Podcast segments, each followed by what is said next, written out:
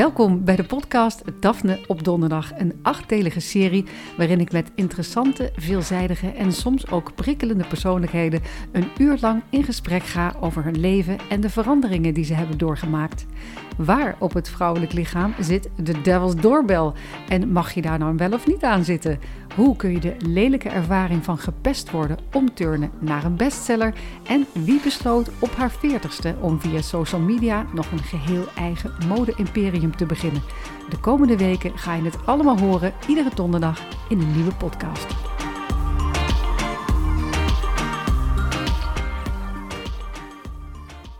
Welkom bij de podcast Daphne op donderdag. Ik ben Daphne Dekkers en vandaag is bij mij te gast een man die is geboren en getogen in Den Helder, maar helemaal tot bloei kwam in Amsterdam als kapper en make-up artist, presentator van de Gay Team, ambassadeur van L'Oréal en natuurlijk als de goed gebekte drag queen April Summer, die tegenwoordig zelfs haar eigen variété-show heeft. Welkom in mijn schrijfhuisje, Hilde Groen. Hallo, goedendag. Ja, daar ben je dan. ja. Ik zat te denken van, uh, ik, ik, ken jou uh, eigenlijk sinds de tijd uh, van Holland's Next Topmodel, toen ja. ik dat presenteerde. En jij was toen vanuit L'Oréal verantwoordelijk voor de haar en make-up van onze kandidaten. Ja. Terwijl ik dat me zat te realiseren, dacht ik, dat is 15 jaar geleden. Echt waar, ja? Oh, ik had er nog helemaal niet over nagedacht, maar dat klinkt wel heel lang. Dat klinkt nog lang geleden, jaar, hè? Ja. 15 jaar geleden. Want voor mijn gevoel is dat niet vorig jaar of zo, maar dat wij samen in Holland's Next Topmodel zaten, dat, dat voelt toch niet ja, als nee, 15 niet, niet al zo lang, nee. Dat vind ik eigenlijk best wel... Time Ja, flies when ja, you're having fun. Ja, uh. ja, ja. Laten we eens uh, beginnen uh, bij je jeugd. Um, je bent geboren en getogen in Den Helder. Ja. Bij Den Helder denk ik de boot naar Texel. ja. Maar verder weet, weet ik eigenlijk helemaal niet Nou, zoveel. meer dan dat is het ook Dat niet. is. nee, ik kan jou vragen. Wat is Den Helder nog meer? Maar het is vooral de boot naar Texel. Nou, nee, dat is een beetje flauw. Inderdaad, als ik wel eens tegen mensen dat ik uit Den Helder vandaan kom, is het inderdaad de boot naar. Oh, daar ben ik wel eens langs gereden, want toen hebben we de borden Den Helder in de gaten gehouden. Want dat was voor uh, Texel of Texel, zoals dat wij dat inderdaad zeggen, was dat belangrijk. Um, ik moet wel zeggen, het is, volgens mij is het een stad met iets van 65.000 inwoners. Dus ook niet echt een dorp waar je zo 1, 2, 3 uh, helemaal aan voorbij gaat.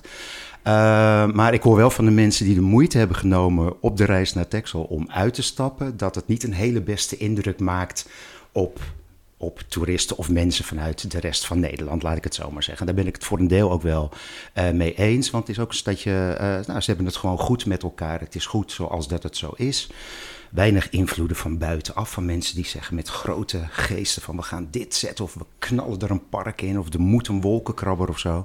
Dus het is allemaal wel oké. Okay. En dat is eigenlijk ook wel meteen het grootste voordeel van Den Helder. Het, het kabbelt allemaal een beetje ja, door. ik heb nog wel eens zoiets van misschien ga ik er ooit nog wel eens een keertje opnieuw weer belanden. Omdat ik in een andere levensfase datgene waar Den Helder weer heel goed in is, dat ik het ook wel weer kan waarderen.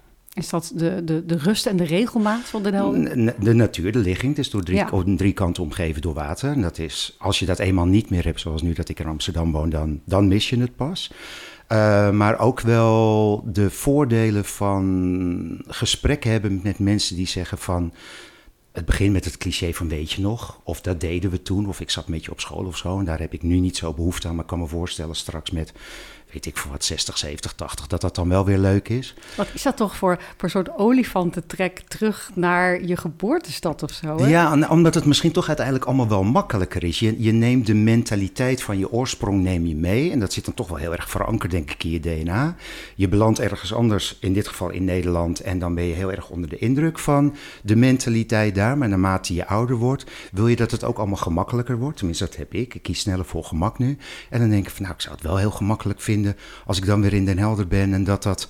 Niks aan de hand allemaal. Ja, dat, dat, dat die mentaliteit, ah joh, dat weten we allemaal toch. Het is toch, uh, ja, voor ons hier in uh, de Randstad is het allemaal wat jachtiger. Ja, er moet, ja. moet, moet steeds iets, ja. hè?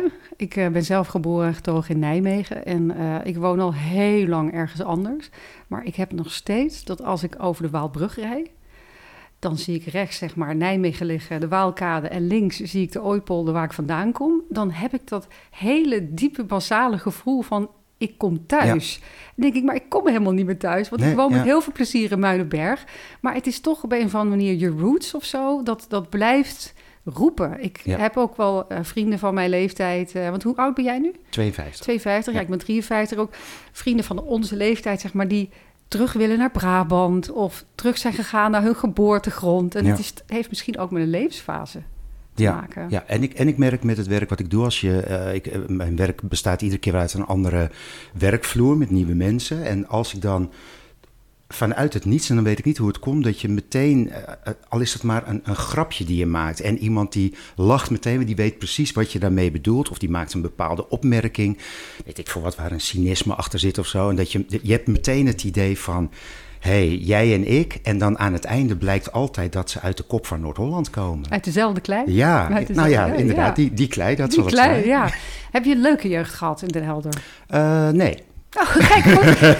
net een heel romantisch verhaal over terug naar Den Helder, maar nee, de ja, jeugd was nee, niet. Nee, nou ja, nee. Ja, nee, nee zeg ja, gewoon nee eigenlijk. Nee, nee, nee, nee uh, uh, gedeeltelijk. Ik heb uh, niet zo'n hele leuke jeugd gehad, omdat Den Helder uh, ja, wat, ik net aan, wat ik net al een beetje zei, van, van, van grotere ideeën of grotere geesten of zo, daar is het geen goede plek voor. Het is allemaal, doe maar normaal, dan doe je al gek genoeg.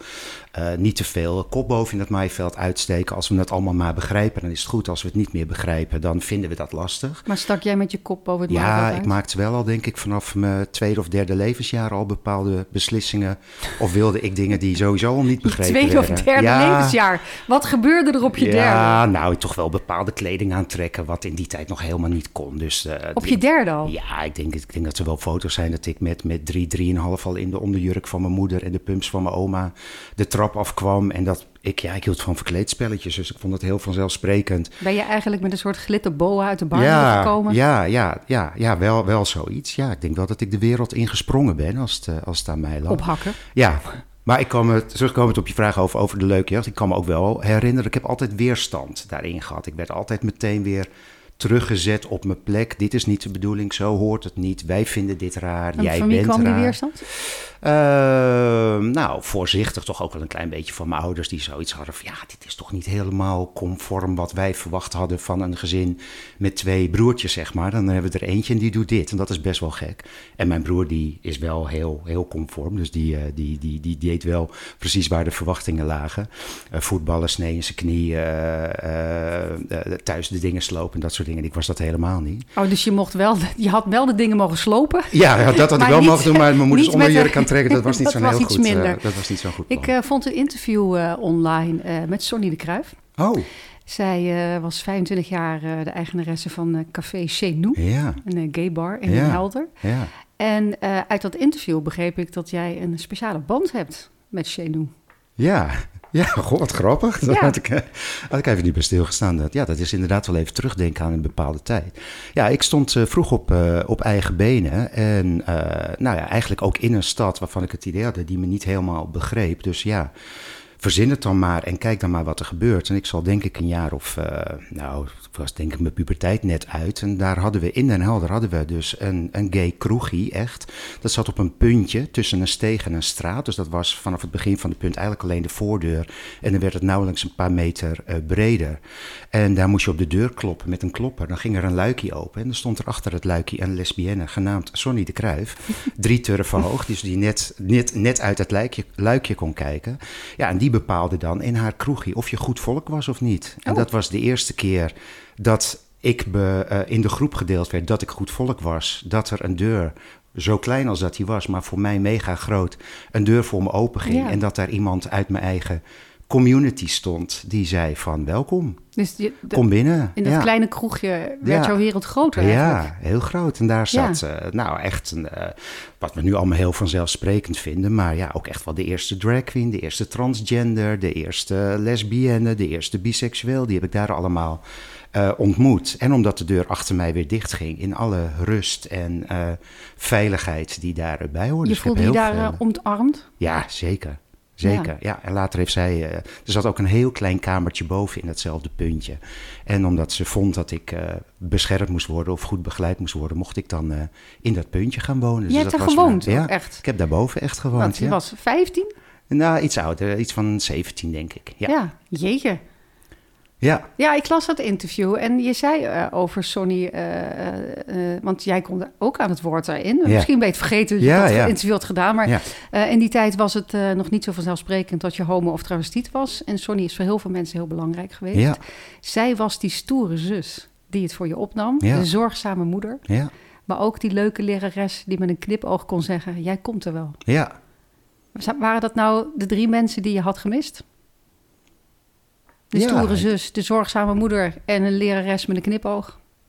Nou, de lerares met een knipoog refereer ik denk ik op dat moment naar iemand anders. Want ik heb ook een hele bijzondere lerares gehad op de MAVO. Die mij ook dat gevoel gaf van jij, jij komt er wel. Je wordt nog niet begrepen. Maar, Maar hoe fijn zijn goed. dat soort leraren? Het, de best. Ja, Het ik allerbelangrijkste. hoor van zoveel mensen, maar ik had één leraar of één lerares en die geloofde in mij. Ja. Dat is zo belangrijk, zeker in zo'n puberteit. Ja, ja. Nou, dat, eh, ik heb die mensen denk ik inderdaad gemist. Dat, dat is een goede conclusie. Ja. Kan ik hieruit concluderen dat jouw coming-out eh, niet heel soepel is verlopen thuis? Nou, het, eh, niet, niet heel soe. Ik, ik bedoel, als ik al begin dat ik met drie jaar in een onderjurk liep. Er dan- was geen coming Dan out. zat de boel er wel aan te komen, zeg maar. Maar mijn coming out was meer in de trant van... ja, daar waren we al bang voor. En ja, dit, dit, dit vinden we niet heel fijn. We weten niet heel goed hoe we daarmee om moeten gaan. Dus Heb jij wel eens gedacht, mijn ouders draaien wel bij? Nee.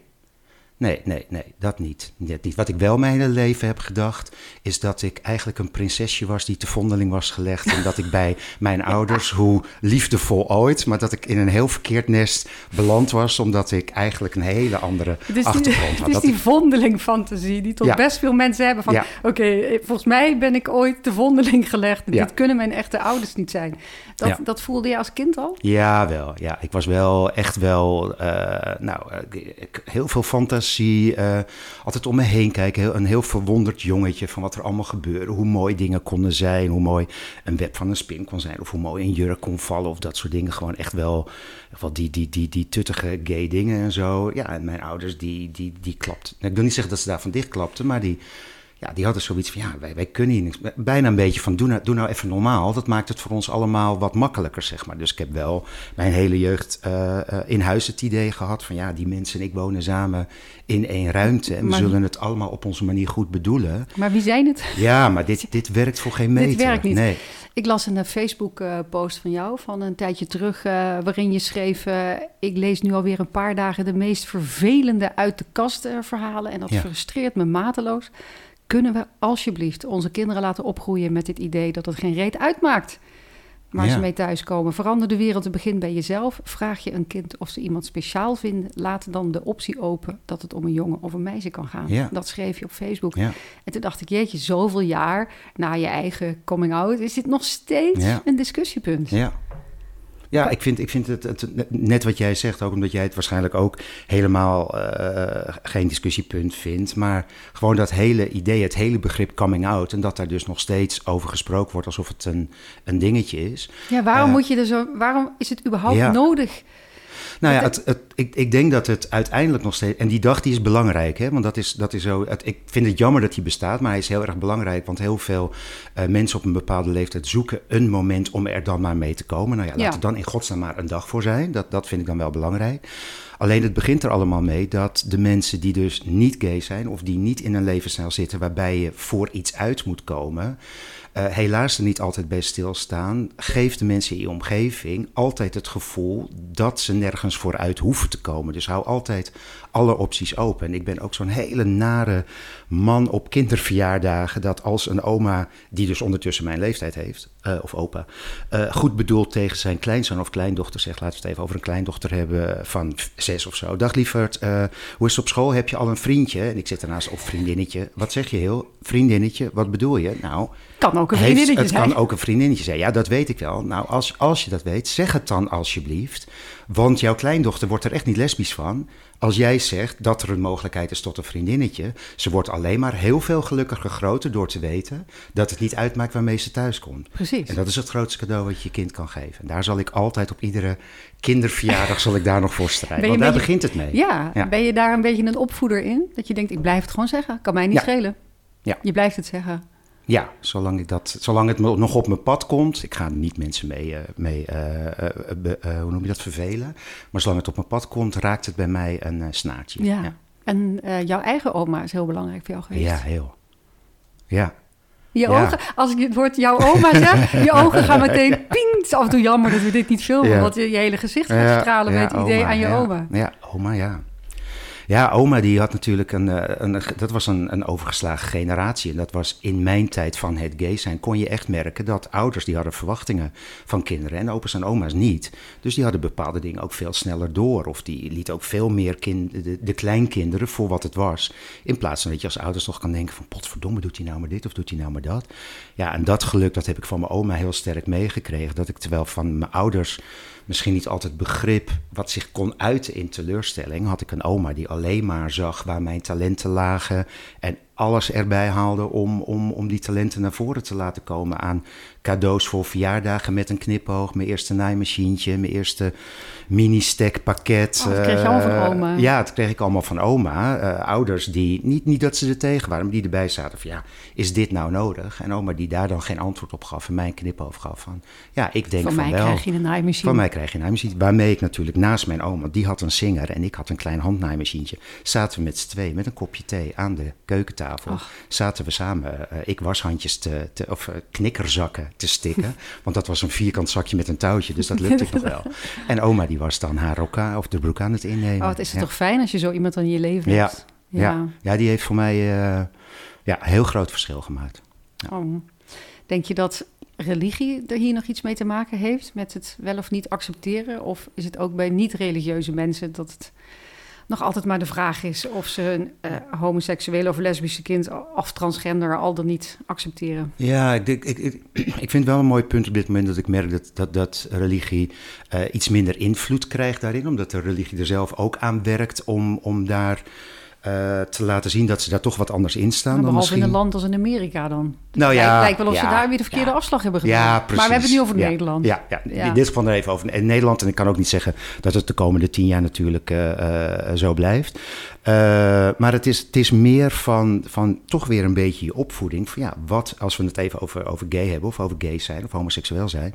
Ja, toch je opvoeding. Ja, wat vind ik van die mensen en, en hoe uit ik dat dan? En dat kan religieus, eh, kan dat een bepaalde achtergrond hebben. Maar ik loop ook tegen heel veel dingen aan waarbij het niets met een eh, een overtuiging van religie te maken heeft. Dus dan zit het toch ook gewoon weer in het DNA van mensen die daar toch moeite mee blijven houden. Ja, ik blijf het altijd wonderlijk vinden waarom je zo getriggerd kan raken door de seksualiteit van iemand anders. What's it to you, denk Daarom, ik ja. ben je zelf religieus? Nee, maar vanwege mijn achtergrond heb ik iets te veel uren van mijn creatieve leven in een kerkbank gezeten. om me heen kijken te denken van wat doe ik hier? Ik was wel altijd onder de indruk van de glas- en loodschilderijen. Van oh, dat is wel mooi, wel knap gedaan. Eh, maar dat heeft ervoor gezorgd dat ik eh, dat echt helemaal... eh, ik heb er niks tegen, maar ik heb er ook helemaal niks mee. Ik heb Nee. het naast me neergelegd en ja, nee. nee Misschien is het, het het dichtste wat bij jou in de buurt nog komt van religie, misschien wel Barbara Streisand. Jouw liefde voor Barbara Streisand. Oh, ja, ja, maar dan moet ik wel weer... Ja, dat, dat sowieso, maar dan moet ik wel weer bij zeggen... ik ben niet zo snel een fan, ik ben meer een bewonderaar voor iemand. Dus Wat is voor jou het verschil tussen een fan en een bewonderaar? nou, een fan vind ik wel dat je, dat je dan eh, helemaal van... ehm, ja, hoe zou ik het zeggen? De, de meerwaarde van die persoon uitgaat. En dat alles wat hij of zij doet, dat dat dan... Dat is het, dat dat een soort van heilig is. En ik ben dan wel ook weer als helders jongetje nuchter genoeg om te weten...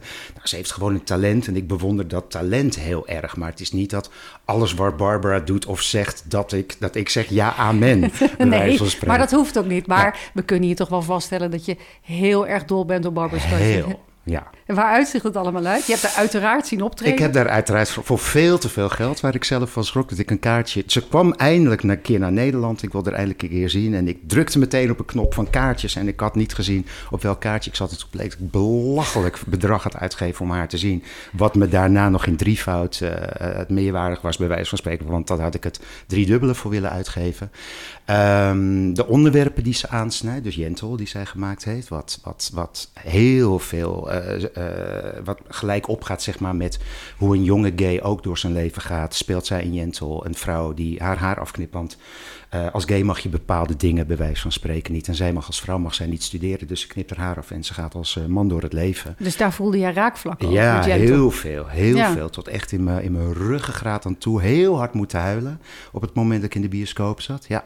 En ze wordt verliefd op een man. Wat natuurlijk ook niet kan. Want ze is samen met hem de toendra aan het eh, bestuderen. En dat, dat kan allemaal niet. Er zitten heel veel raakvlakken met mijn gay zijn. En het feit dat dan iemand die ik al jaren bewonder, dat juist zij dan met zo'n film en met zo'n verhaal komt. Ehm, ja, en laten we het over gewoon de stem en de keuze van nummers nog maar niet hebben. Ja, Want, eh, daar raak je helemaal niet over is helemaal, eh, helemaal te gek. ja. Ik heb net eh, Bros gezien. Ja. Die, die eerste, zeg maar, romantische gay romcom. Ja. En ik heb er heel erg om gelachen. En ik wist dat ik jou vandaag zou zien. En wat zit er in Bros? Er zit een grap in. Over Barbara Streisand. Er hangt een poster van Barbara Streisand. Iemand begint over Gentle. En toen dacht ik... Is, dat, is zij een soort gay icon? Ja. Dat, is dat, wat is de liefde van homo's en, en Barbara Streisand? Nou, dat, ja, ik, ik, ik weet het niet zeker, maar ik denk van wat ik gelezen heb over, over stukken die over haar geschreven zijn. eh, sowieso het lelijke eentje. Dus in principe helemaal niet mee mogen doen, maar gewoon vanwege eh de wilskracht eh, toch zorgen dat ze er komt. Nou, Als ze die we- zwaan wordt. Ja, Ja. ja. dus nou ja, we als gays natuurlijk sowieso. Dat, dat, die strijd, die begrijpen we dan wel.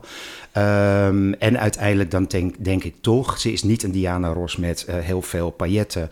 Ze is niet, nou noemen ze een andere artiest met heel veel extensions en heel Donna. Summer of eh, Ehm, Tina Turner, allemaal uit die tijd. ja, ja, en zij, zij doet het op, op een andere manier, maar dan wel met een instrument. Die zij dan, ik bedoel, je kan die mensen niet naast elkaar zetten, maar die zij wel als enige op die manier beheerst. Ja, en dan hebben we wel, wij gays, wij zijn natuurlijk wel van de goede stemmen, de musicals en dat, dat het echt allemaal eh, tot in je kern moet raken. Ja, en daarmee is zij dan, naast vele anderen, natuurlijk ook wel een gay icon, icon geworden. Maar waarom zij nou specifiek zo hoog op die ladder is beland, dat weet ik niet zeker. Een andere wat hoog op de gay icon ladder staat is natuurlijk het Songfestival. Ja. Hoe, hoe is Oh, daar gaat hij alweer. Ja. Het Songfestival, Het een andere grote liefde van Ja, Hildo. ja. Hoe, is, hoe is dat gekomen, jouw liefde voor het Songfestival? Ehm, dat begint denk ik met dat, dat, dat, waar, waar- dat lees ik de laatste tijd veel, dat onze generatie zegt veel met natte haartjes op de bank en een bakje chips op schoot. Ja, Nou, dat is denk ik wat dat betreft mijn eerste herinnering. Ik ben in die tijd eh, ben ik een nieuwe wereld beland. Terwijl ik op school grondig getreiterd werd, eh, belandde ik op een dansschool. Waar eh, volgens de dansleraar, die zag mij een beetje meehupsen zo met de muziek. Terwijl we naar het afdansen van mijn broer gingen kijken. En die zei tegen mijn moeder, hier zit wel een talentje. En daar werden veel van de eerste liedjes, eh Diggy Lou Diggy Lay en bisschen Friede en Bugs Fizz met Making Your Mind Up. Die werden daar allemaal gedraaid als eh, jive en als quickstep en zo. En dat herkende ik dan van, hé, hey, dat heb ik vorige week met mijn natte haartjes op tv gezien. Dus daar begon een beetje de interesse dat ik het Songfestival leuk vind. En uiteindelijk, door mijn vak, ben ik een echte Songfestival-kenner geworden. Want mijn vak draaide heel veel jaren om uiterlijk, de kracht van uiterlijk, eh, de, de pre, eh, acte présence, eh, hoe beweeg je, hoe gedraag je.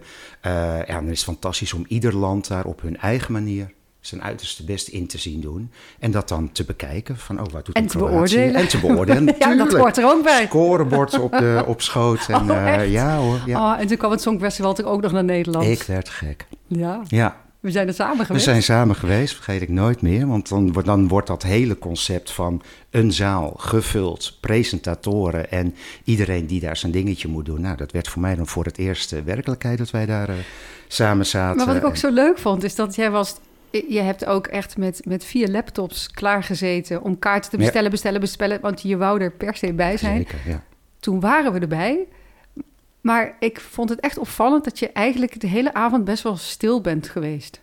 Je hebt er, je hebt er echt naar gekeken. Ja. Je hebt er echt van genoten. Ja, ja, ja, ik zuig dan op. Ja. Ja. En helemaal in deze tijd. Aan de ene kant vind ik het wel jammer, want vroeger keek je naar het Songfestival dan was dat je eerste indruk. Tegenwoordig kan iedere artiest al weken van tevoren zichzelf pluggen met videoclips en optredens en zo. Dus ja, ik wil eigenlijk niet kijken, maar ik doe het toch, want ik ben natuurlijk te nieuwsgierig.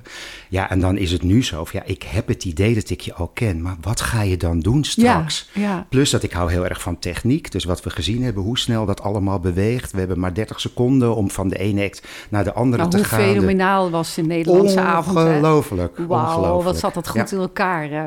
Ja. Je liet het net eh, al vallen, de dansschool. Ja, Dansen heeft in jouw leven eigenlijk een hele grote rol gespeeld. heel groot. Ik weet nog dat wij eh, met Hollandse Next Topmodel in Brazilië waren. Hè? Want ja, Ja. we kwamen nog eens ergens. Ja. dat is volgens mij nu ook allemaal voorbij, dat je zo ver weg gaat voor het programma. Maar wij waren samen in Brazilië en we vielen in een of andere Braziliaanse feestdag. Midden op straat. Midden op straat en er kwam zo'n hele band voorbij, zo'n zo'n walking band. En die waren aan het dansen, die waren aan het trommelen. En jij bent letterlijk met de muziek meegegaan. Ja. Hildo was weg. Ik Ja. waar is Hildo? Ja. En jij was met die band mee en ze deden een of andere dans. En die dans had jij meteen onder de knie. En je ging met die hele troep mee. En toen dacht ik eigenlijk voor het eerst, goh, wat kan Hildo goed dansen? Maar je kan echt goed dansen. Ja. Ja, je hebt professioneel gedanst. Ja, ja. Wat, wat zei je toen tegen mij, even zo tussen neus en lippen door? Nou ja, dat ik eh, op eh, hoog niveau eh, gedanst heb en zelfs een wereldkampioen Ja, ooit ben geweest. Dat is toch daarin, ja. ongelooflijk? Niemand weet dat. Nee. En toen zei ja, nee, ja, ik kan wel dansen. Ja, ik was ook wereldkamp wereldkampioen. Ja. Je bent wereldkampioen geweest. Ja, nou daar moet ik wel een kleine kanttekening bij zetten. Ik, heb, ik ben begonnen met borren dansen. Dus hetgene wat je echt doet in een dansschool. Daar heb ik Nederland wel vertegenwoordigd. Dus ook mooie internationale wedstrijden gedaan. En daarna ben ik met eigenlijk mijn concurrent, die stond ook op de dansvloer. Een eh, jongen genaamd Rick zijn we met z'n tweeën gevraagd door een discotheek die toen opende in de tijd van de IT. Dus dan had je de IT-dansers. En die discotheek wilde ook graag IT-dansers. Eh, dus ik ben samen met hem een aantal mensen bij elkaar gaan verzamelen. En wij zijn dus een street dance team gaan doen. Dus we zijn afgestapt van de tango en van de cha-cha. En dat werd eh, street dance. En daarmee zijn we naast het optreden als street dancer... zijn we ook voor de lol de street dance wedstrijden gaan doen. Toen hebben we de Nederlandse street dance wedstrijd gewonnen. Toen werden we uitgezonden naar de WK eh, daarvan. En die hebben we uiteindelijk ook gewonnen. Dus de titel hebben wij als... Dus ik ben niet persoonlijk wereldkampioen, maar met mijn team zijn we wereldkampioen. Maar het hangt er natuurlijk wel vanaf of je wereldkampioen wordt van 48 landen of 12. Een wereldkampioen is een Dat, wereldkampioen. ja, daarom. Dus ik ben er nog steeds heel erg trots op. Maar Nou, weet ik eigenlijk niet of je er wel trots op bent. Want, want steeds dan eh, doe je er een soort van, soort van PS bij. Ja, ik ben wereldkampioen, maar... Weet je, je kan ook gewoon zeggen, joh... Ja, maar Daphne, jij weet net zo goed als ik dat als je gaat claimen dat je wereldkampioen dansen bent, ben je iedere keer de klos op alle bruiloften en partijen. Want dat ben je ook als je een keer aan de Mask Singer hebt meegedaan en je claimt dat je kan zingen. Dan gaan natuurlijk meteen mensen vragen, doe eens een deuntje. Dus vandaar dat je misschien toch wel een beetje je achterhoofd denkt, nou laat ik het een beetje bagatelliseren. Ja, maar hoe kan je een WK nou Ja, bagatelliseren? nee, nee het is, het, het Ja. is. Ik heb een, een, eh, een, eh, een medaille thuis eh, Ja. liggen, ergens in de je het moeilijk gewaar. om ergens gewoon heel trots op te ja, zijn? Ja, dat merk ik. Ja. Want je gaat dan zeggen, ja, ik heb er wel een disclaimer bij. Nee, je hebt er Ja. nog geen disclaimer Ja, bij. ja, en dat krijg je er niet meer uit. Daar ben ik te oud Hoe voor. komt dat? Mijn jeugd. Ja? Ja, ja dat, dat, dat als, als je heel veel te horen krijgt dat je, dat je iets niet moet, niet moet willen of niet zou moeten doen. Of als je het doet, van nou zeg dat maar niet tegen mensen. Of je zou je er best voor kunnen schamen, want dat is best wel heel erg bijna letterlijk abnormaal wat je nu doet. Ja, dat, dat, dat plant een zaadje bij je dat je bij jezelf denkt van nou ja, laat ik dan zelf overal maar een beetje mijn schouders bij ophalen. Want er zal wel weer een mening opkomen. Want ik ben toch niks bijzonders. Nee, en het nadeel is dat dat dan, ja, dat, dat stroomt of nee, stroomt niet. Maar het rolt ook een beetje door in complimenten, wat waarvan je eigenlijk zou zeggen dat moet er los van staan. Maar ik denk wel dat het bij mij eh, met elkaar eh, verbonden is. Ja, Dat is eigenlijk best wel verdrietig. hartstikke. Ja. Als ik het zou kunnen veranderen, zou ik het heel graag doen. Maar het is zo'n onderdeel, ik weet, precies wat je bedoelt, maar het is zo'n onderdeel van mij dat... eh, Ja. ja. Want hier zit gewoon een wereldkampioen tegenover me... die eigenlijk Ja, allerlei redenen zit te bedenken. eh, ja, zo van ja, ja. ja, nee, maar ja, het was een beetje WK, ja. Weet je, we gaan gewoon heel trots zijn dat je Heel gewoon eh, wereldkampioen bent. Even terug eh, naar eh, de tijdlijn. Eh, je ging uiteindelijk studeren. Wat ben je gaan studeren? Eh, Modeacademie. Modeacademie. Ja, Waar? In? eh Zaandam. In Zaandam. In Zaandam, ja. Was dat een soort van life-changing? Dat was helemaal te gek natuurlijk. Want mijn ouders die hadden verwacht dat ik na mijn MAVO de HAVO zou gaan doen. En dan natuurlijk naar, bij de marine zou gaan. Want, eh, Iedereen in Den Helder Iedereen in de Den bij de marine of bij de visserij. Maar ik dat, heb wel nog heel leuk jou gezien in een marinepakje. Ja. Of niet? Nee, Ja. in een landmacht. Een Want ik ben ook nog in de laatste lichting verplichte landmacht. Hoe heet het? Werd je opgeroepen? Weet Dienstplicht. Ja, dienstplicht, dat was het. Ik zat in de laatste lichting. Nou, dat waren toch zondejaren van mijn leven. Daar heb ik een jaar rondgelopen. Denk eens van, wat doe ik hier? En na mij hoefde je niet meer. Dus dat was Nou, fijn. Je zag er wel heel koket uit. eh, Ja, dat ja, maar dat had ik ingenomen natuurlijk met een koepnaadje. Nee, niet. Ja, natuurlijk. Wat denk jij? Had je je lege pak Dat noem, dat noem je een plunderbaal. Ja, en toen kreeg ik dat. Ik trok het daar. Ja, ik denk, maar dit wordt het niet. Daar heb ik veel te mooie billen voor. Dus ik heb overal een klein koepnaadje in genaaid natuurlijk. Ja. En heeft het gewerkt? Ik heb een relatie gehad met mijn officier. Oh, echt? In dienst. Ja, dus het heeft gewerkt. Oh, Ja. oké. Ik kwam er door het koepnaadje. Kwam misschien door het koepnaadje, ja. Ehm, je ging eh, eh, studeren, maar dat uiteindelijk ben je uh, tot het kappersvak ingerold. Ja. Hoe ben je dan van de... Nou, het, het leuke van de modeacademie was voor mensen van onze leeftijd en iets jonger, maar vooral ouder. Wij kennen allemaal de, de serie uh, Fame. En daar waren we allemaal verliefd op, want dat was een school dat bruiste van creativiteit. Dat, dat, nou, dat was helemaal te gek. En dat was de modeacademie voor mij. Dus ik kwam vanuit een stadje met een mafootje in mijn, in mijn broekzak, kwam ik dus op een academie waarbij alles wat ik deed, wat in Den Helder lastig gevonden werd, uh, nou, dat werd daar helemaal ga voor geapplaudiseerd. Dus dat was helemaal te gek. Dat heb ik drie jaar gedaan. Uh, was heel enthousiast over stoffen, kleding maken. Etaleren vond ik leuk. Fotograferen leuk. Ontwerpen leuk. Maar ik kwam er daar meer achter dat kleding, als in de materialen en de ritsen en de klittenband en dat soort dingen. Dat vond ik allemaal wel prima, maar ik begon meer na te denken over mijn oog voor esthetiek. Ja. Dat ik heel sterk een idee had dat als je dat droeg, zou je dat en dat er erbij kunnen doen. Uh, dus ik had al na, na drie jaar, had ik wel door van, nou, dit was heel erg leuk, ik had het niet willen missen. Maar ik wil in plaats van de diepte in, dus echt een Victor en Rolf achterna bij wijze van spreken, wil ik meer de breedte in. Uh, nou, toen ging ik in dienst. En weer een onconventionele keuze gemaakt. Want in dienst mocht je een studie doen. Dus terwijl iedereen elektrotechniek en automonteur koos, koos ik voor visagie.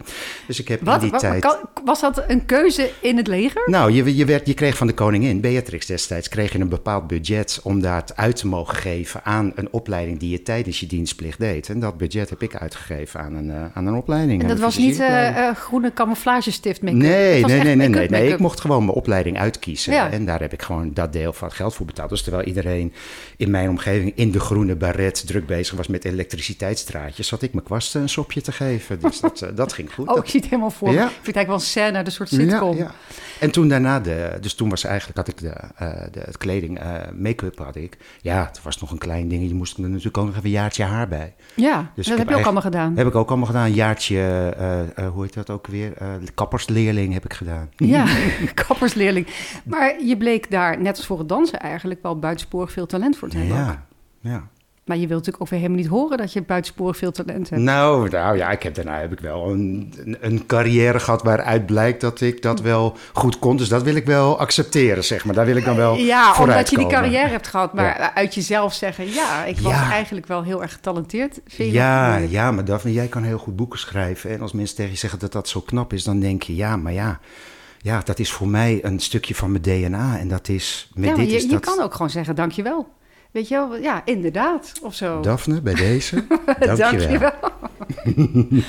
In eh, eh, 2002 eh, ben je benaderd eh, voor de Gay Team. Ja, Ehm, dat was een, een, een datingprogramma. ja, Het, eh, dat was eigenlijk, het liep eigenlijk best wel voor de troepen uit. heel erg. Want het was, eh, nu hebben we natuurlijk al heel lang de Queer Eye, Ja. wat in Amerika heel populair is. In Ja. Nederland weet ik het eigenlijk niet precies, maar eh, de Gay Team was eigenlijk zo'n soort programma. Ja, nou sterker nog, Queer Eye is ontstaan doordat ze ons in Nederland hebben gezien. Niet. Ja, Echt waar? ja. Dat eh, was opeenvolgend, eh, kwam Amerika daarna met de Queer ja.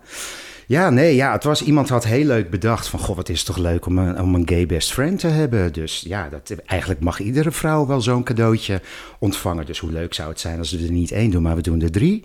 En die hebben alle drie hun eigen talent. En dan gaan we dames zoeken die wel wat hulp eh, kunnen gebruiken. Nou, waar hebben dames het meeste hulp bij nodig? Nou, is toch wel op amoureus vlak.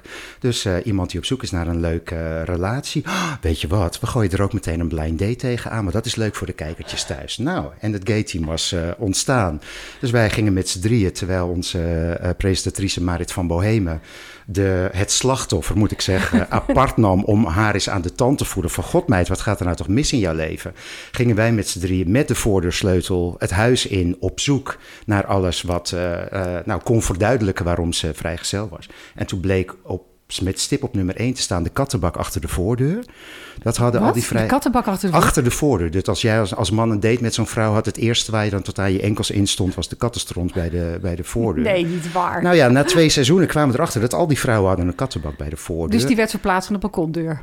Wat ons betreft wel. En dat vonden wij ook allemaal zo grappig. Ze hadden allemaal de volledige collectie met Disney-sprookjes. Wat? Ja. In welke vorm? Nou, dat, dat, dat ze allemaal zelf hoopten dat ze een prinses waren... en dat de ridder hun kwam wakker kussen. Oh, zo, een beetje... Oh, ik dacht dat je bedoelde ik- dat ze Sneeuwwitje handdoeken hadden hangen. of zo. Nee, nee, de, video, de, de videobanden, die hadden ze allemaal staan onder de tv. En ze wilden Ja. zo'n prins. Ja, dus wij als gay gingen daar natuurlijk helemaal op los. Van god meid, heb je die kattenbak weer? Moet je kijken, weer zo'n hele jet, jetsen met van die videobanden van Disney. Eigenlijk natuurlijk ook op zoek naar slechte onderbroeken met een gaatje erin en zo. Want dat kan dan ook wel aangeven waarom ze vrijgezel zijn. Maar het leukste van het programma was, ze kregen dus een make-over. Mentaal van iemand die met ze eh, ging praten. Eh, kleding en uiteindelijk kwamen ze dan bij mij in de wasstraat, zoals dat bij ons natuurlijk eh, heet.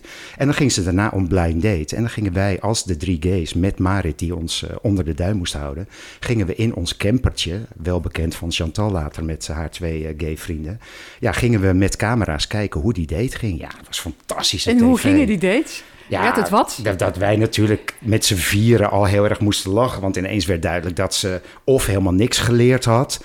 Of dat, het, dat ze te veel geleerd had. En dat ze helemaal die man met een soort werphengel naar binnen haalde. En zo, eh, zo. Soms werd het wel iets, soms werd het niks. Ja, daar kon je eigenlijk geen aflevering op gelijk zetten, bij wijze Is van het eigenlijk spreken. niet jammer dat we niet nog steeds zo'n programma hebben? Ik vind van wel, maar ja. Nou, ik lees dan wel eens eh, in films en zo, daar wordt er veel over geklaagd. Dat de gay best friend, dat is zo'n cliché. En oh god, iedere film is er weer een gay best friend. Maar wat vind jij van de gay best friend? Zou iedere vrouw, wat je net zei, wel een gay best friend kunnen gebruiken? Nou, ik merk wel dat voor de vrouwen in wiens leven ik de gay best friend eh, ben, dat, eh, en dat merk ik zelf ook altijd, ik heb het altijd een beetje het idee dat ik tussen twee werelden insweef. Ik heb een hetero opvoeding gehad, ik heb hetero vrienden die ik heel goed begrijp, ik ben mannelijk, als je van mannelijk kan spreken, want dat vind ik een lastig woord, maar ik ben mannelijk genoeg om de psyche van een man wel te begrijpen. Maar ik begrijp vrouwen ook heel goed.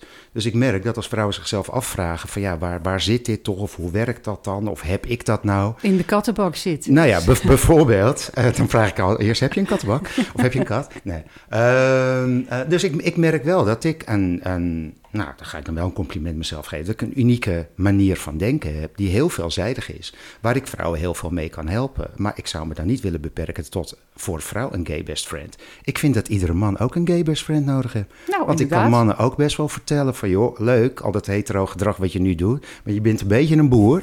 Zullen we dat even gaan polijsten? Want dit is niet wat vrouwen heel erg leuk Wat vinden. denk je dat je bij de meeste hetero mannen dan eh, achter de deur vindt? Wat je als eerste op Ik denk een ruim- Playstation.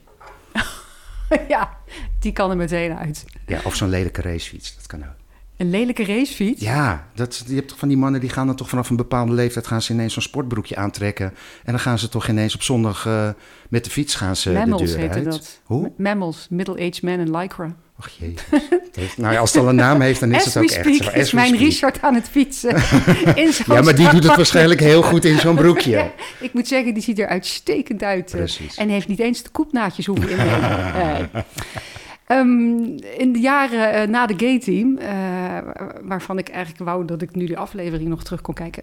eh, toen kwam het Holland's Next Topmodel. Jij was erin onze, onze beauty expert, maar tegelijkertijd bracht je ook een boek uit. Mhm. Ja. Ehm, het enige in zijn soort, volgens mij. Ja. Nooit meer bang voor de kapper. Ja. Haal meer uit je kappersbezoek. Ik heb het boek helaas niet of niet meer, want volgens mij heb ik het, heb ik het wel gehad. Hmm. Maar graag wil ik van jou weten, zijn mensen echt bang voor de kapper? Ja. Waarom? Omdat eh, iets wat voor hun heel belangrijk is, laten ze over aan een wildvreemde. Dus het vertrouwen is er eh, nog niet. Eh, en omdat er nou heel vaak iets misgaat, waardoor er een angst ontstaat. En het probleem is dan vaak dat je dan niet teruggaat naar die kapper, want die wil je eigenlijk nooit meer zien. Maar je gaat weer opnieuw duik je hetzelfde risico in door weer naar een ander te gaan. Met weer het probleem dat het weer helemaal fout kan gaan. Ja, en als dat drie keer achter elkaar gebeurt, dan zijn kappers en kapsters, kapperman, vrouw, zijn niet meer je beste vrienden. En wat gaat er dan zoal fout? Eh, eh, het, het voorgesprek, dus, dus, dus begrijpend vanuit de kapper, wetend wat jij als klant wil. Jij als klant eh, wel of niet goed kunnen uitleggen wat de bedoeling is. Eh, en dan tijdens, ja, ik vind de kappers die ouwe hoeren veel te veel. Dus er wordt, dan wordt er ineens tijdens het ouwe hoeren wordt er meer aandacht aan de onderwerp van het gesprek dan wat er daadwerkelijk Dan gebeurt. hoe lang het aan het intrekken is. Bijvoorbeeld, want een kapper zou ook aan een klant kunnen vragen: gaat dit de goede kant op? Maar ja, dan is je al begonnen over eh, zijn laatste vakantie op Ibiza, dus dan, eh, dan komt dat er niet meer van. Ik heb soms het gevoel dat kappers heel graag willen knippen en verven. Dus dat ze graag lange haar korter willen knippen en dat er een Ja, maar dat kleurtje maakt, in het, moet. dat maakt het voor een kapper die ondertussen zes van die types in zijn stoel heeft zitten op een dag natuurlijk wel eh, interessanter. Of je iemand moet bijwerken, zeg maar, of dat je, of, of dat Dat je, dat los mag. Ja, dat je, dat je even wat risico mag lopen. Komen er ook wel klanten met een, eh, een, een onrealistische foto aanzetten? Zeker. Eigenlijk vrijwel altijd. Oh ja? Ja. Dat je denkt, meid, dit kan dus niet met jouw haar. Ja, nou ja, en jij weet uit eigen ervaring dat ik absoluut niet de moeilijkste ben om dat ook meteen te melden. Dat dit hem waarschijnlijk ze- met, nou zelfs met zekere zin niet gaat worden. Maar ik begrijp het wel. We willen natuurlijk allemaal uiteindelijk toch ook wel een klein beetje lijken op de dame onder dat leuke kapsel. Ik heb nog nooit iemand gehad die bij me kwam met een foto van dat leuke meisje bij de bakker.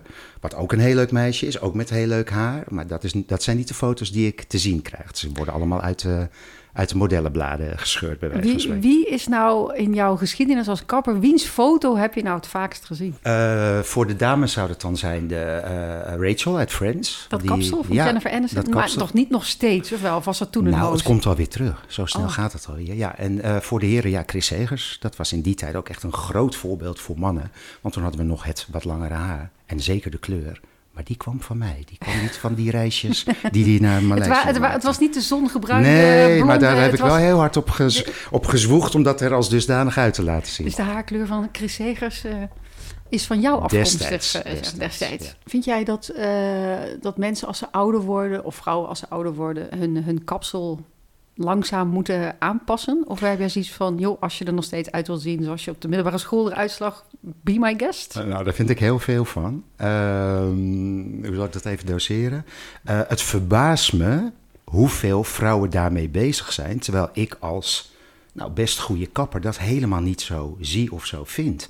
Maar ik vind het zo ongelooflijk, met name vrouwen die kunnen zichzelf zo enorm saboteren, bij wijze van spreken, door aan een bepaalde leeftijd iets te koppelen dat iets niet meer kan.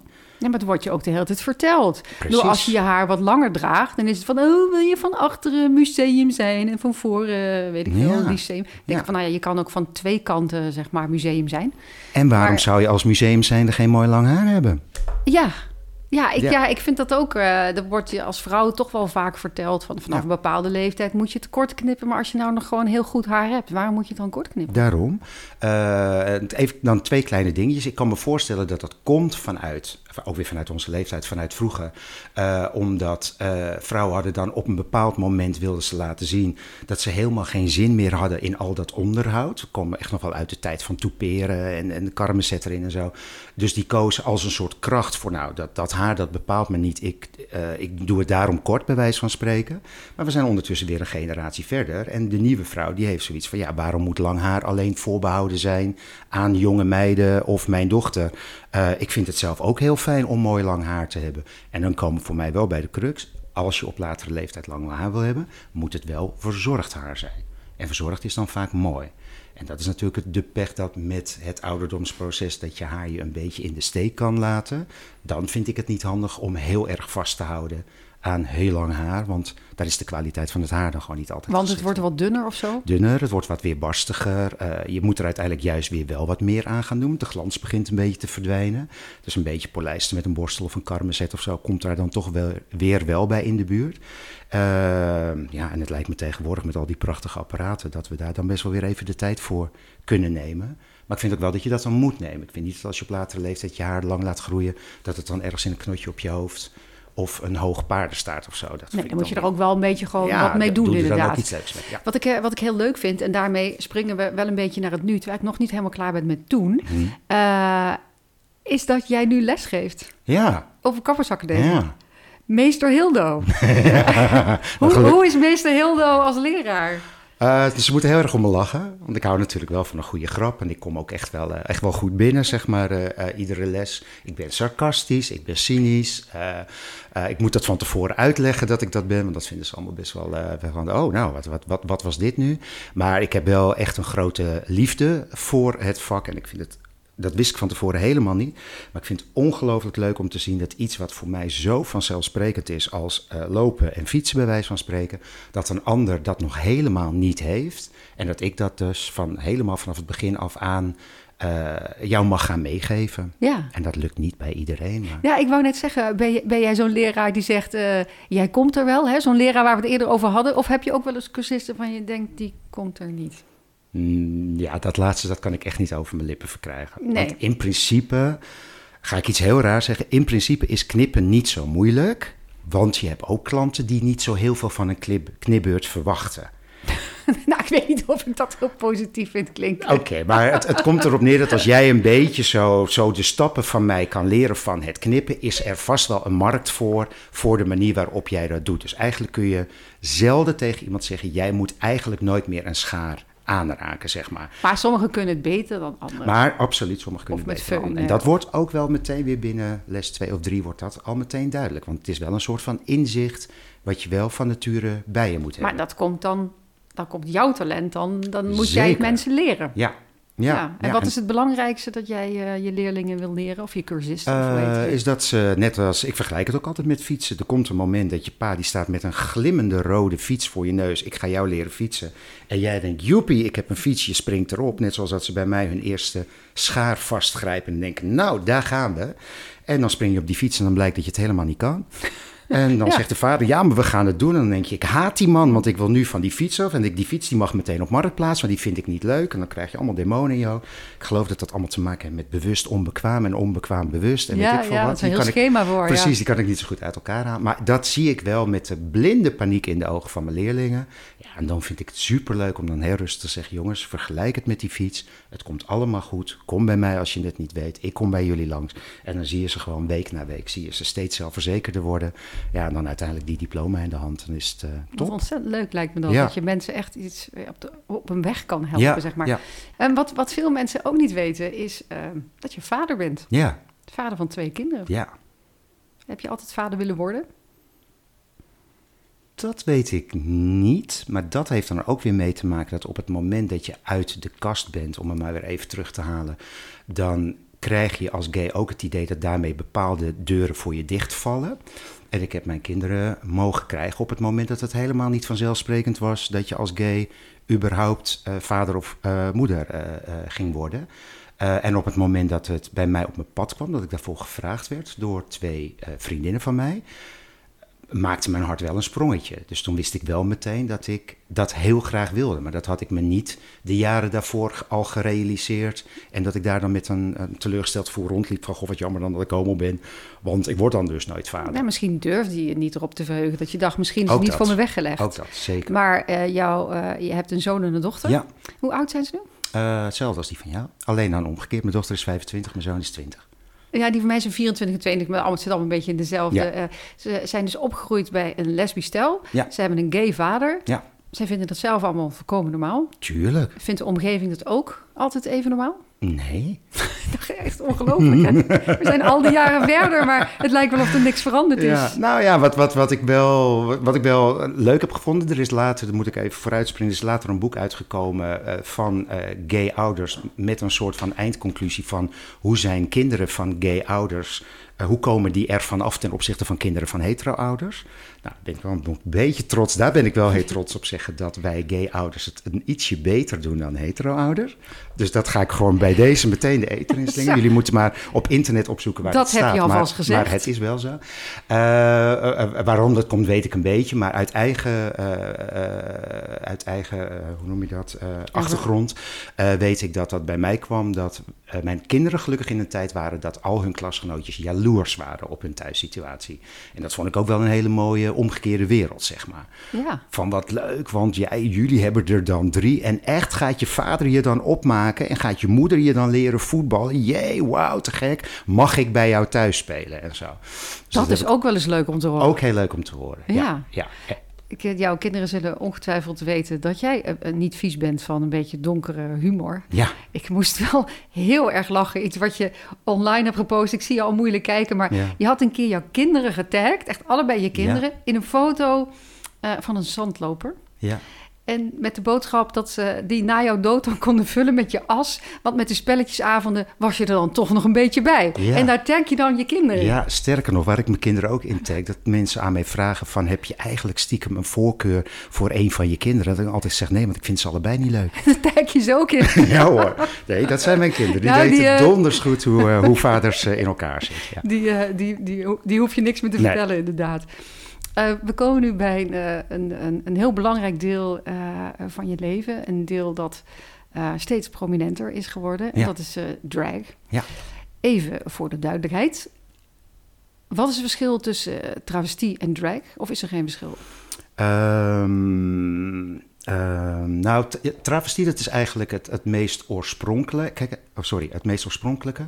En dat is eigenlijk gewoon het begrip een, een man die een jurk aantrekt. Die, die, die bevindt zich in een situatie van travestie, zeg maar. En drag is, eh, heeft meer te maken met de theatrale kant daarvan. Dus in principe, technisch gezien, is iedere man in een jurk een travestiet.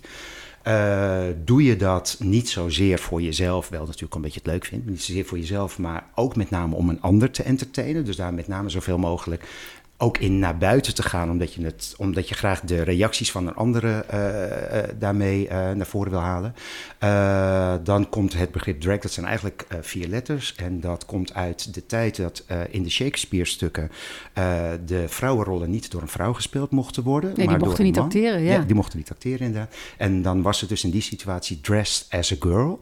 En dat is dus in Amerika is dat dus een begrip geworden dat DRAG, dat hebben dus de drags eh, overgenomen om te laten weten van oké, ik ben een man in jurk, ik ben dus een travestiet, maar ik ben wel een beetje travestiet 2.0. Is dat de betekenis van het Ja, woord drag? dressed as a girl, Dressed ja. as a girl? Ja. En nog uit de Shakespeare-tijd. Ja, Learn something new every day. Wauw, en, en wat is jouw fascinatie met drag?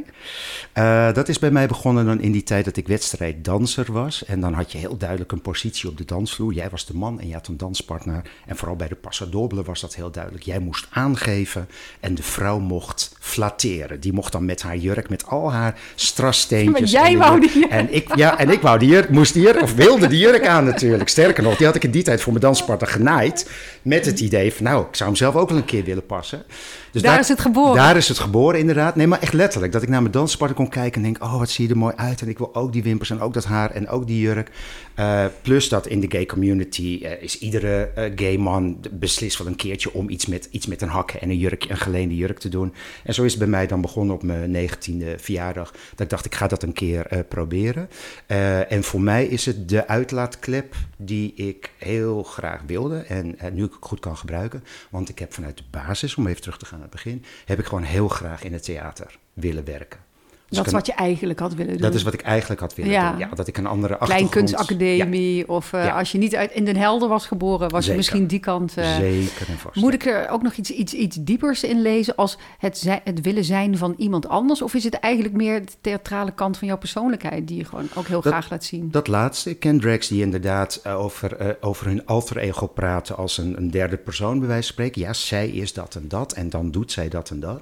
Nou, dat herken ik helemaal niet. Het enige wat ik herken is als je een masker op hebt, net als met carnaval, kun je je lekker anders gedragen Ja. dan normaal. Nou, en dan, ik noem haar altijd mijn zus. Nou, mijn zus die is daar een hele goeie in, want dan zit het, het kan nu nog gefilterd zijn. Maar Ja, want je hebt zelfs ook alter ego. Eh April Summer. Ja. Die heeft ook haar eigen Facebookpagina. Ja. Die heeft zelfs haar eigen sweater. ja, sweater. ja. Met een foto van April erop met First God created man and then he had a better idea. Ik Ja. wel grappig geworden. Ehm, je noemde net al eh, zus. Je noemt haar in je, in je posts ook vaak eh sussie. ja. Maar wie is April voor jou? Ehm, nou, dat is wel een hele goede vraag. Want ik zeg dan ook altijd heel voorzichtig tegen mensen: ja, maar ze is niet echt. Ze bestaat eigenlijk niet. En dat, dat, dat vind ik ook echt. Dus wat ze, wat ze voor me is, is dat het een, een, een, een verkleed spelletje is. Nog niet eens een karakter. Want ik, ik blijf gewoon. Ik, ik ben helemaal niet goed genoeg in acteren om uit mezelf te stappen en een, een heel nieuw type neer te zetten. Maar het leuke is wel dat als je je zo aankleedt als dat, reageert de wereld anders op jou. En omdat ze anders op jou reageren, kun je heel voorzichtig gaan zoeken waar dan de grenzen liggen. Of hoe dat dan werkt als jij in die outfit iets zegt. Alleen hetgene wat je zegt, moet natuurlijk nog wel steeds uit jouw hoofd vandaan komen. Ja. Dus het moet een onderdeel van mezelf zijn. Want ze heeft wel een scherpe tong, hè, die April. Ja, veel. Veel scherper Ja. dan dat. Nou ja, dat is ook weer niet waar, want ik ben gewoon heel scherp. Maar ik hou me in. Jij weet je te gedragen. Ik en. April Ja, zegt en- precies ja. eigenlijk wat ze wil. Maar daar krijgen ze ook geld voor, dus dat is ook de bedoeling. Ja, want op haar visitekaartje staat eh, shows, presentaties en trouwambtenaar. Ja, Doe je ook mensen? Ja, ik heb een opleiding, uh, ambtenaren, uh, hoe heet dat, uh, dingen, Babs? burgerlijke, burgerlijke, hoe heet nou, Het zou leuk zijn als ik dat, als oh, ik dat weet. komen niet op.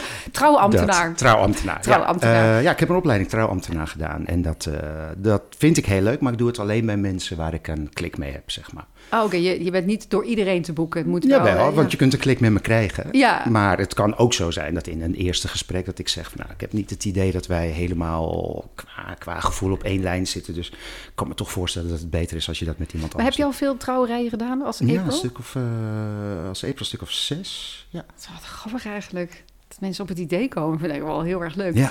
Steeds als ik uh, bij jou kan, kom uh, om mijn haar uh, te laten doen, dan staat er bij jou altijd pontificaal midden in je woonkamer staat een etalagepop. Ja. Daar zitten altijd je nieuwste creaties op. En er staat ook zo'n poppenhoofd naast met je nieuwste pruiken. Pruik. Want je opleiding is niet helemaal voor niks geweest, want je maakt alles zelf. Alles wat April draagt. Ja.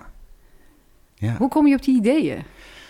Uh, is het nog steeds, zeg maar, die dansdroom? Nog steeds nou, fluffy ja, heb, met heb, veren? Ja, en, uh... de, het, het, ik moet me wel inhouden, want uh, de, de danswereld is een mooie wereld. Daar, daar, daar, dat gaat heel veel om het uiterlijk vertoon in die sport, zeg maar. En ik kan, wat, wat dat iemand anders nog vaak een, een, leuke film nakijkt, kan ik me heel erg ehm, verliezen in goede danswedstrijden internationaal. Maar ja, het gevaar is dan, dan komt er weer iemand langslopen in een jurk dat je denkt, potverkaartje, mooi zeg, goede kleur, of weet ik veel wat. Dus uh, daar haal ik een deel van mijn inspiratie vandaan, maar gewoon als, als creatief persoon alles. Ik bedoel, een Barbara Streisand die Hello Dolly doet met zo'n fantastische grote hoed en zo'n keu aan de achterkant, zo'n bolle billen in de, in, in de jurk. Of een, uh, een musical Tina Turner waarbij ze staat te shinen met, met zo'n badpakachtig jurkje en zo. Ik bedoel, ik ga altijd als creatieveling uh, zie ik altijd van alles. En dan is de mobiele telefoon op dit moment natuurlijk fantastisch. Meteen screenshot ervan maken. Ik heb een mapje dan met alles waarvan ik denk van nou, dit vind ik leuk, dat vind ik leuk. Ik vind ook vaak dat mijn zus, April dus, ook nog wel eens in verschillende situaties belandt. Dan denk ik, nou, dat kan ze dan aan als trouwambtenaar, maar dit kan ze aan als ze naar een vrijgezellenfeest gaat. Uh, Waar ja. haal je al die spullen vandaan? Ja, dat, dat, je hebt natuurlijk al, creatieve vrienden uh, waarschijnlijk die dat al verteld hebben. Maar ja, stoffen, stoffenwinkels, uh, dingetjes zien en dan meteen maar de grootste maat meenemen. Want innemen gaat makkelijker dan uitleggen. Ja, en uiteindelijk ben ik gewoon een kerel van, van 1,85. Dat ja, ik zal toch allemaal from scratch moeten maken. Want dat hangt niet gezellig bij de Zara op me te wachten, zeg maar. Nee, zitten er nog bepaalde technieken aan hoe je zeg maar een heel vrouwelijk silhouet voor jezelf ja. maakt. Terwijl je natuurlijk eigenlijk gewoon een brede kerel bent. Ja, ja, ja, bij vrouwen zijn natuurlijk rondingen. Dus een, een, een extra kleine taille accentueert een ronding op uh, borstkashoogte en op bil- en, uh, en heuphoogte. Uh, nou zit daar, we hebben het er al eerder over gehad, dat er een goede bil zit. Dus daar hoef ik niks te doen. Maar collega's van me stoppen dat voor met schuimrubber in hun panty om een extra bil of heup te creëren. die taille, ja, daar moet altijd een corset of iets stevigs ingeregen worden om dat vrouwelijker uit te laten zien. Ja, en des te smaller de taille, des te groter de bombonella, om het zo maar te zeggen. En daar zit in mijn geval dan een dubbel D uh, strapless BH met in beide borsten een uh, driedubbele schoudervulling. Want dat neemt ook zo lekker vocht op als je aan het zweten bent. Oh my god, je hebt er een hele studie van gemaakt. Ja. Ik zie het helemaal voor me. Uh, je hebt de afgelopen jaren natuurlijk heel veel uh, in het uh, drag entertainment gedaan. Ja. in de kleine komedie Queers to Remember, ja. Drag Fever, Amstel 54, Dragtastic, Queers Café en natuurlijk het zangtrio Sparkles. Ja. Ook vaker zijn optreden, die geweldige playback show konden neerzetten. Um, vind jij... Um, dat de aandacht voor drag, ook door RuPaul's Mhm. Drag Race, uh, is de aandacht voor drag de laatste jaren enorm geëxplodeerd. groot, ja. Ben je ook fan van RuPaul? Van hemzelf. Van hemzelf? Misschien niet altijd van de shows die uh, hij doet, maar van hemzelf. Ook in een tijd, ik weet niet eens wanneer hij begonnen is, misschien iets in, ik noem nu maar wat, 95 of zo. Ja, dat hij dan gewoon de eerste was en zo ongelooflijk, van het uit zichzelf zijnde zo mooi, knap vind ik altijd een lastig woord, maar gewoon mooi in zijn hele presentatie. En dan gewoon niet kunnen geloven dat dat dan dus een man is. Het eerste wat ik van hem zag was uh, Supermodel Ja. You Better Work. Ja. Dan wauw, wie is dit? Ja, en met verhoudingen die de supermodels zelf nog niet eens hadden. Met zijn lengte en zijn beenlengte en dat soort dingen. Ja, en dan, en dan het, het, zelfvertrouwen om dan die show te beginnen. En dan ook het doorzettingsvermogen. Want dat moet hem waarschijnlijk in eerste instantie ook door iedereen zijn afgeraden. Ja, en als je ziet wat dat, nu, wat dat nu doet, maar ook wat het doet voor een hele nieuwe generatie. Uh, die niet zozeer in de travestie een voorbeeld vinden, maar in het feit dat je mag aantrekken wat je wil en dat dat voor, voor een groep uh, heel bijzonder kan zijn. Dat, dat vind ik zo gaaf. Ja, wat, wat enorme ik wel, ambassadeur ervoor eigenlijk. Ja, ja, Wat ik wel leuk vind om even te vertellen is wat me dan. Ik ben dan zelf alweer van een generatie daarvoor, maar de mensen die nu op dit moment de wedstrijden winnen, dus RuPaul Drag Race is dus ook in Nederland natuurlijk. Daar hebben we een aantal winnaars van. Dat zijn goede bekenden van mij. Ik volg op hun Instagram hoe het gaat na een optreden. En daar zijn fans die echt staan te huilen omdat ze hun idolen het echt zien. Maar dat zijn niet zozeer fans die ook heel graag met dat maatje Zero op die naaldhakken willen staan. Dat zijn grote vrouwen met een grote lichaamsmaat die zoiets hebben van ik val ook buiten de norm in de maatschappij en jij valt dat ook. En daarom voel ik me heel erg verbonden met je. En dat had ik nooit kunnen verwachten dat dat ging gebeuren. Dat, dat raakte me daar heel erg aan. Dat drag dus in zijn verkleedspelletjes, bijna een soort larpen, dat uh, live-action roleplay, gewoon het verkleedspel zeg maar, dat dat een bepaalde groep mensen zo ongelooflijk veel steun en plezier kan geven. Het, het, het appelleert waarschijnlijk aan een bepaalde lotsverbondenheid. Ja. Het herkennen in ergens buiten vallen. Ja. Dat mensen die voor zichzelf, om wat voor reden dan ook, vinden dat ze ergens buiten vallen, dat, dat die dat het een soort community is die je accepteert zoals je bent. Ja, ja dat is eigenlijk wel heel mooi. Ja. Ehm, die moet op een tegeltje, Daphne. Ja. nou, dat is wel een beetje lang voor op een tegeltje.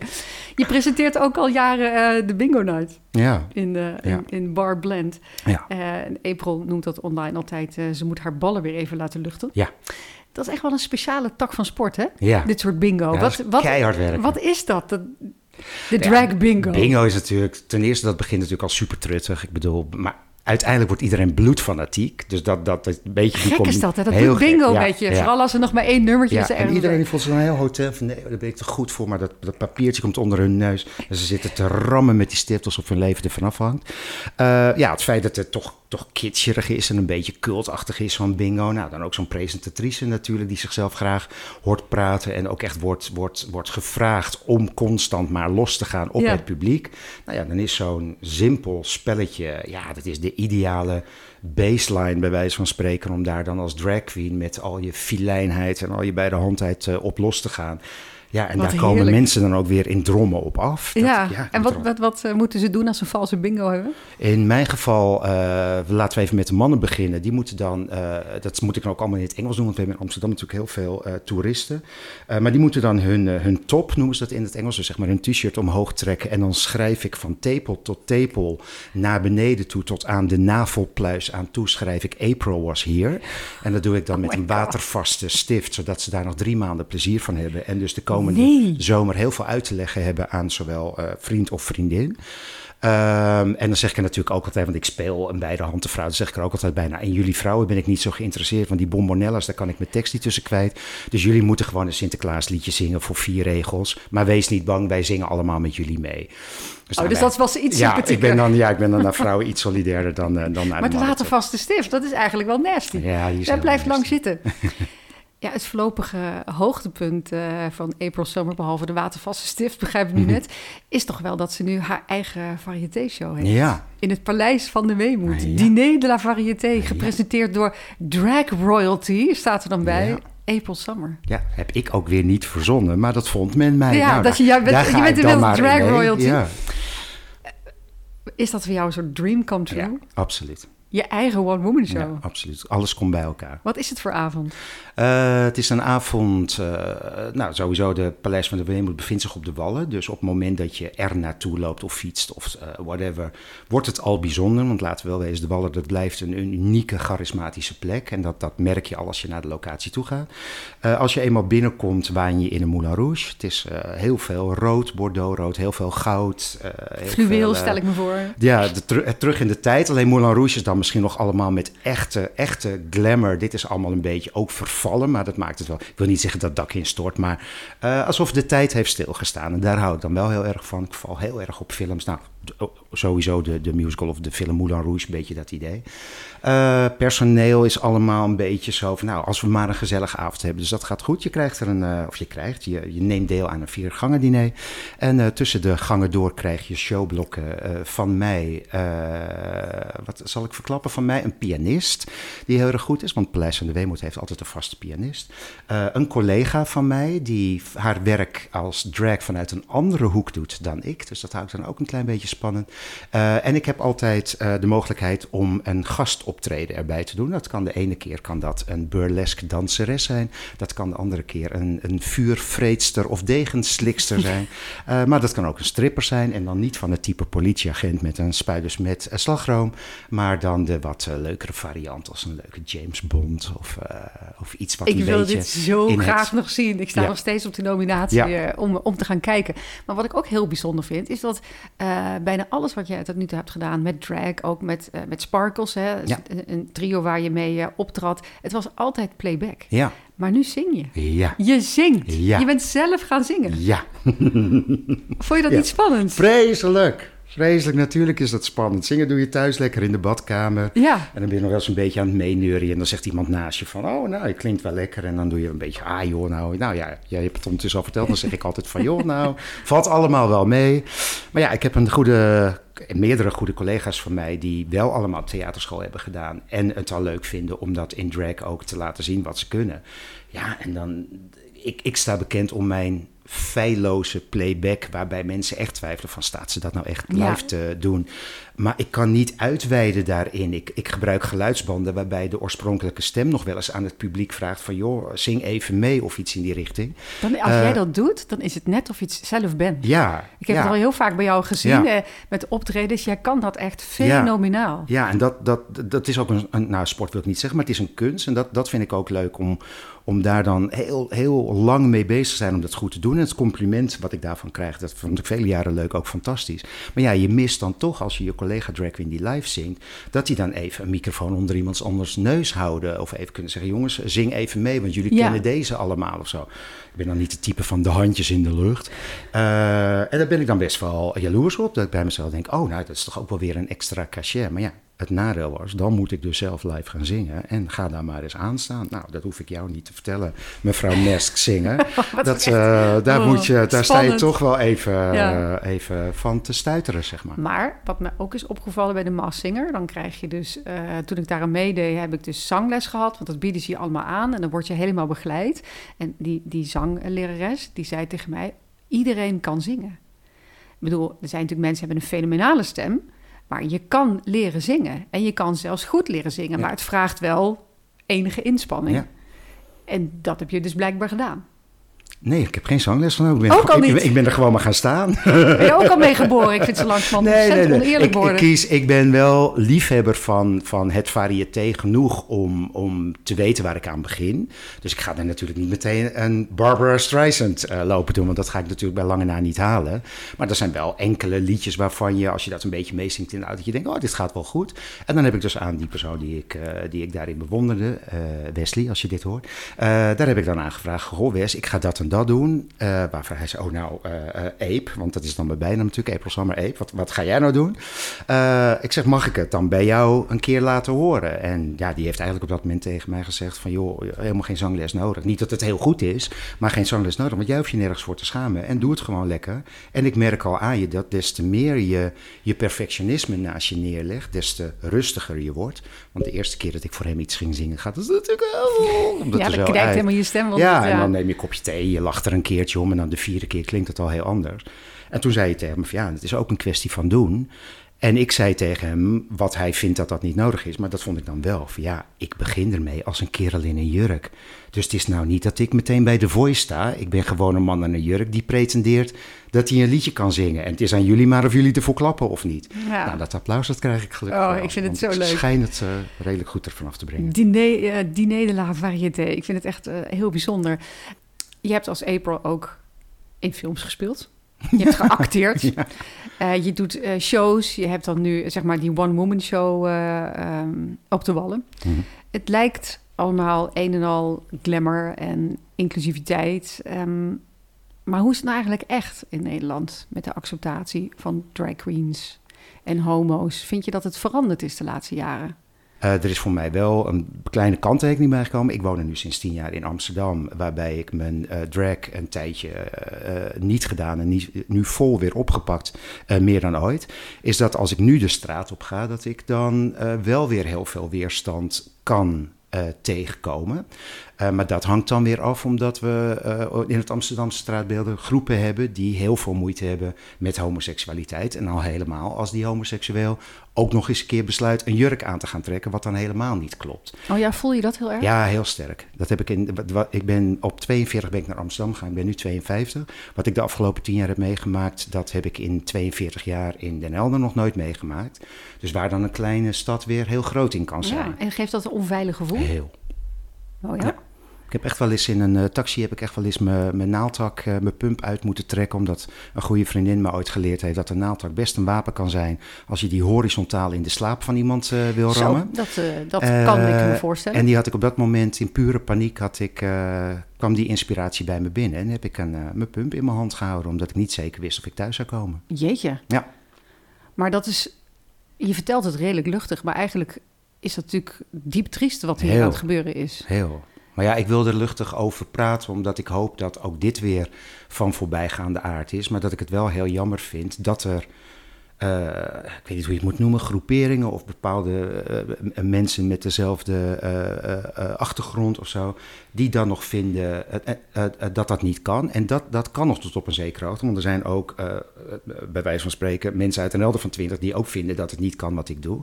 Alleen om vervolgens daar stappen te ondernemen om, jou dat af te, leren ja. of te vinden dat jij daar een lesje in moet krijgen. Ja, dat ben ik vanuit uh, onze cultuur ben ik dat niet, niet, niet gewend. Dus als jij in drag op straat bent, uh, voel jij je dan een doelwit? Voel je je dan onveilig? Nee, maar daarvoor ben ik als Hildo en als April draai ik te lang mee dat ik laat me door niemand meer iets vertellen. Maar ik heb wel vrienden in mijn omgeving die vragen of ik het alsjeblieft een stukje terug wil draaien, omdat ze bang zijn dat mij iets overkomt. Oh ja? En daar ben ik wel heel erg van geschrokken. Want dat, doen, dat zeggen zij echt uit liefde naar mij toe, omdat zij ook al die verhalen allemaal horen. Ze zien mij met al mijn zelfverzekerdheid. En als dat een keer gebeurt, leer ik dat waarschijnlijk ook meteen af. Want daar, daar draai je nooit meer van bij. Alleen ik zou het wel heel erg vinden als ik dat op dit moment in mijn leven nog moet verliezen. Ja. Dat zelfvertrouwen wat ik heb. Op een gegeven moment denk je, jongens, ik ben niet te oud voor geworden. Ik heb de strijd al gestreden. Ja, ja en dat zien, zien mijn beste vrienden, die zien dat. En die zeggen dan iedere keer, heel, ik, we weten hoe je bent. Doe het alsjeblieft niet. Doe het voor ons. Want wij moeten je straks opzoeken in het ziekenhuis. Dat vind ik heel erg. Ja, dat is ook erg. Je hebt ook wel eens verteld dat uh, je een Uber bestelt en die komt dan en die ziet jou staan als April en die rijdt gewoon weg. Vier achter elkaar. Vier achter elkaar. Dat zie je gewoon niet meenemen. Dat is toch ook. Ja. ja, je kan het je niet voorstellen. Nee, dat is Nederland 2022. Dus dan, hebben, zelfs. dus dan hebben we de Queer Eye en we hebben RuPaul's Drag Race. En we hebben dat jij je eigen variété-show doet. En, en het is er allemaal, maar tegelijkertijd staat er dus ook nog een hele andere donkere kant tegenover... die gewoon de agressie opzoekt. Ja, en dat lijkt allemaal wel op die golven wat je ook hoort over andere dingen. Dat dingen die vrijheden zijn, die kunnen dan ineens in een ander tijdsbestek of men, hoe mensen op dat moment ergens over denken, kan dat ook zo weer ineens terug. Het is niet eh, zo dat vrijheden die we verworven hebben, dat die zomaar blijven. Kijk maar in Amerika naar dat er heel veel staten weer zijn die weer anti-abortuswetten eh, hebben. Het is echt een, het is een verschrikking. Oké, nu wat positievers. Je doet ook vrijwilligerswerk. Zo ga je vaak, um, nou ja, vertel zelf maar eigenlijk. Nou, ik ga vaak mee met de Stichting voor uh, Zwaar Gehandicapte Jongeren. Die gaan dan een week met uh, allemaal vrijwilligers op nou, zeg maar een soort van zonnebloemschip gaan die mee. Die worden dan één op één, worden, de jongeren worden begeleid door een vrijwilliger. En dat, is, nou, dat, zijn, dat zijn zware handicaps, zijn elektrische rolstoelen. Dat heeft allemaal te maken met tilliften, douchebrankaars, zondevoeding, dat soort dingen. En dat begeleid jij dan En dat begeleid ik dan nu al een, een, een, aantal jaren. En daar ben ik ook mee begonnen, omdat een goede bekende van mij mij uitdaagde van ja joh, dat is niks voor jou. Nou, dat moet je tegen mij niet zeggen. Dan moet jij eens opletten. Ja, precies. en daar had hij een soort van gelijk in, want dat is ongelooflijk zwaar werk. Dat is heel knap uh, als je dat, dat, dat kan doen zonder thuis te komen en bij jezelf te denken: jeetje, Mine, wat, wat ellendig allemaal voor die persoon. Nou ja, het staat misschien haaks op de glitterveren, maar het is ook een heel groot deel van wie jij bent. Je bent toch wel heel verzorgend iemand. Ja. Ja. ja, vind ik wel heel tof dat je dat doet. Ja, nou ja, en met, met die, uh, op dat soort, in dat soort weken ga je er ook inderdaad over nadenken. Van ja, datgene wat ik nou doe voor mijn werk, ben ik daar nou echt berg mee aan het verzetten? Soms wel, want dan heb ik ook huilende mensen in mijn stoel die het prachtig vinden dat ze nog nooit zo mooi zijn geweest. Dus dat de, de medemens helpen vind ik leuk en dat zou ik nu op een ander, uh, in een ander soort werk zou ik dat de komende jaren nog wel een keer willen doen. Ja. Mooi. Dan heb ik nog een laatste vraag voor je die ik aan iedereen stel. Dat als jij uh, nu terugkijkt op de afgelopen tien jaar, wat denk je dan? What a hell of a ride. ja, volgens mij hoeven we daar niks meer aan toe te voegen. ja, nee, ja, echt wel what a hell of a ride. Ja, het is, uh, het is, uh, ja, het was, het was een dingetje, zeg maar. Een het mooi heeft, dingetje. Het heeft me gemaakt tot wat ik ben. Ik ben heel, heel tevreden met mezelf. Dus het zal allemaal nodig zijn geweest om, uh, om datgene te maken wat, wat ik nu ben. En dat is prima. Dankjewel. Graag gedaan. Je luisterde naar de podcast Daphne op donderdag in gesprek met Hildo Groen. Wil je ook eens naar een variété-show van zijn alter ego April Summer? Hou dan de agenda van het Amsterdamse Paleis van de Weemoed in de gaten. Op de website www.aprilsummer.nl vind je nog meer informatie over de shows van April. Wil je meer van mij lezen? Ik heb een nieuwe bundel uit met 75 columns. Hij heet De Zorgen zijn voor morgen. Klik ook even op de volgbutton, dan blijf je op de hoogte. Want volgende week is er weer een nieuwe Daphne op donderdag. Tot dan!